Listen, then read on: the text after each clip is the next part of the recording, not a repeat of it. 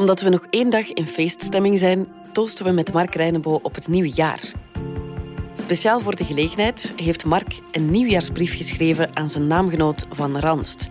Met de stille hoop dat we onze viroloog dit jaar iets minder gaan nodig hebben. Het is maandag 4 januari. Welkom bij de podcast van de Standaard.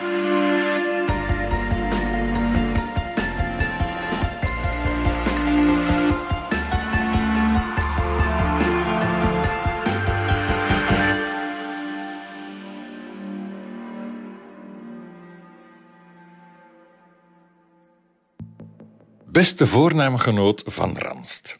We kennen elkaar niet, maar aan uw voornaam te zien moeten we ongeveer van dezelfde generatie zijn.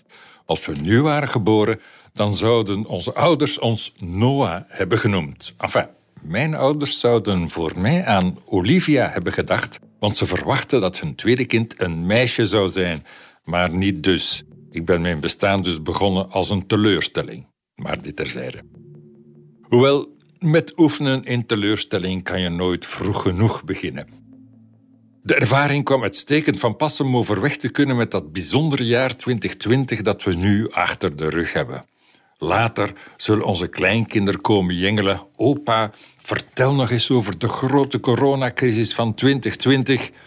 Al moeten we eerlijk zijn, de kans is groter dat het omgekeerd zal zijn. Dat die kleinkinderen zullen zeggen: Ach, daar is opa weer met zijn gezeur over de crisis van 2020. Van die crisis zullen we allen, wij die het overleven, oud-strijders zijn. Later, ergens in de loop van dit jaar, wanneer het allemaal achter de rug zal zijn. Al hebben we echt op wel zeer verschillende fronten gestreden. Zoals de meeste van onze landgenoten behoor ik tot degenen die al maanden kop en kas gingen schuilen in ons kot, vol ongeduld wachten tot de storm zou overwaaien, waarbij het tripje naar de buurtsupermarkt ongeveer het meest avontuurlijke was wat er nog te beleven viel. U, beste Mark van Ranst, zo begrijp ik, u had het zo druk in uw virologisch laboratorium dat u alleen nog thuis kwam om eens een andere trui aan te trekken. Kuifje droeg altijd zo'n blauw debardeurke. U, het reddende kuifje van deze tijd, u beschikt tenminste over een assortiment in een breed gamma van kleuren, geheel aangepast aan de tijd van de kleurentelevisie, waarin monochromie alleen verveling oproept en de aandacht doet verslappen. En dat kunnen we absoluut niet hebben. Sommigen zouden het frivol of misschien wel aanstellerig van u vinden dat u middenin al die virologische bedrijvigheid en vestimentaire veelzijdigheid ook nog eens de tijd vond om onze culinaire tradities te verrijken met het uitvinden van een revolutionair recept, te weten zalm gestoomd in de vaatwasser.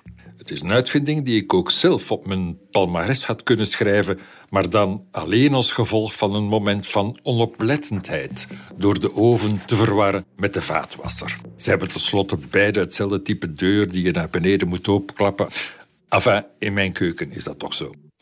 Maar zij die uw innovatie frivol of aanstellerig vinden, zij dwalen. Want als die beloken tijd van de lockdown ons iets heeft geleerd, dan is het dat we ons kot, nu we daar toch opgesloten zaten, dat we ons kot weer in al zijn hoeken en kanten hebben herontdekt en de essentiële plekken daarin weer naar waarde zijn gaan schatten.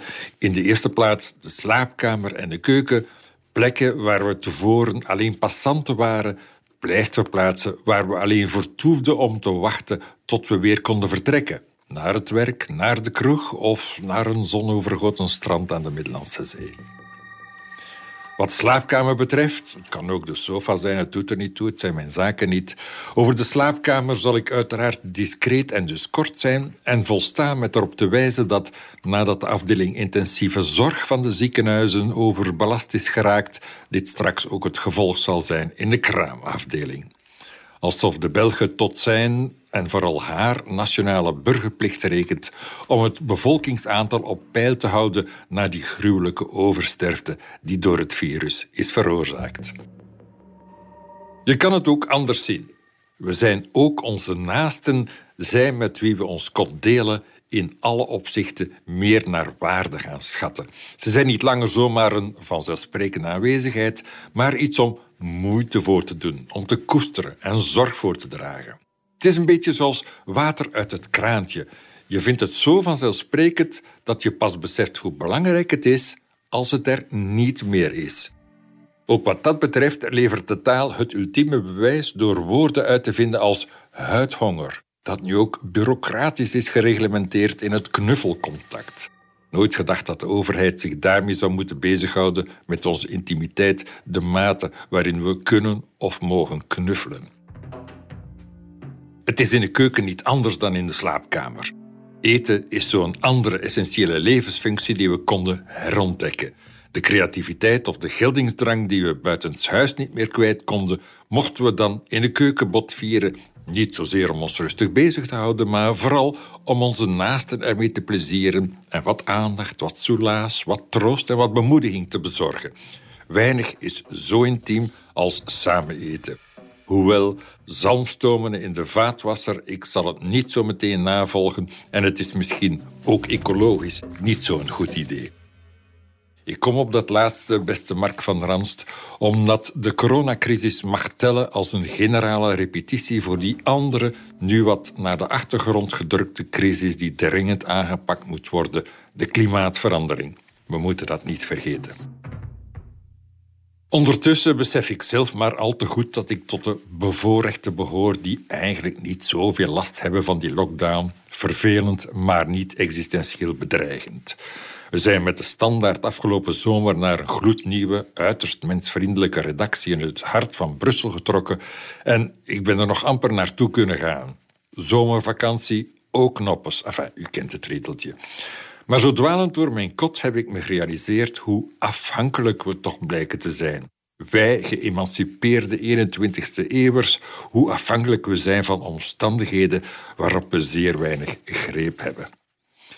Ik vind dat woord afhankelijkheid, interdependentie zo je wil, meer gepast dan bijvoorbeeld machteloosheid. Macht en controle over ons bestaan is toch in hoge mate een illusie, iets wat we onszelf wijsmaken, wat meer getuigt van ijdelheid en overmoed dan van een helder inzicht. Het inzicht bijvoorbeeld dat de mens een sociaal dier is en het zonder de anderen niet redt, met alleen huidhonger als resultaat dan. Het misverstand dat ik nog vaak merk over het mondmasker getuigt daarvan. Velen denken nog altijd dat het dient om de drager ervan te beschermen tegen boze virussen, terwijl het eigenlijk, als ik u goed heb begrepen, terwijl het eigenlijk dient om te beletten dat wij als potentiële dragers van het virus anderen zouden besmetten. Idem wat betreft afstand houden, handen wassen enzovoort. Maar nee, de wereld draait niet om ons persoontje, maar we tellen daarom toch niet minder mee. Het straatje zal er nooit schoon bij liggen als niet iedereen, elk van ons, voor eigen deur veegt. Het geeft ons een opdracht. Zo krijgt elk van ons een betekenis in het geheel. Is dat geen bemoedigende vaststelling om dit jaar mee te nemen, beste voornamegenoot, dat u en ik niet zonder elkaar kunnen? Dat iedereen iedereen nodig heeft? Om eerlijk te zijn, ik krijg stilaan wel het schurft van die meligheid over we zullen doorgaan à la Ramses. Nee, we moeten niet doorgaan, in tegendeel. In een bekend gedicht houdt Rilke ons voor Gij moet uw leven veranderen. Het klinkt prekerig en het klinkt nog veel erger in het Duits. Maar laat ik het positief formuleren. Leven met verandering kan ons alleen misverstanden en teleurstellingen besparen. Uiteindelijk was het voor mijn ouders ook niet helemaal een teleurstelling dat Olivia die ze verwachten een Noah bleek te zijn. Het laatste restant van die gewijzigde omstandigheid waaraan ze zich hebben moeten aanpassen, is dat ik tegen pokken ben ingeënt op mijn dij en niet op mijn bovenarm, zoals het echte mannen betaamt. Daar zal ik straks wel, ergens tegen de zomer aan veronderstel ik, daar zal ik straks wel dat coronavaccin laten toedienen. Dit was de podcast van de Standaard. Bedankt voor het luisteren. Wil je reageren? Dat kan via podcast.standaard.be. Alle credits vind je op standaard.be-podcast. Morgen zijn we er opnieuw.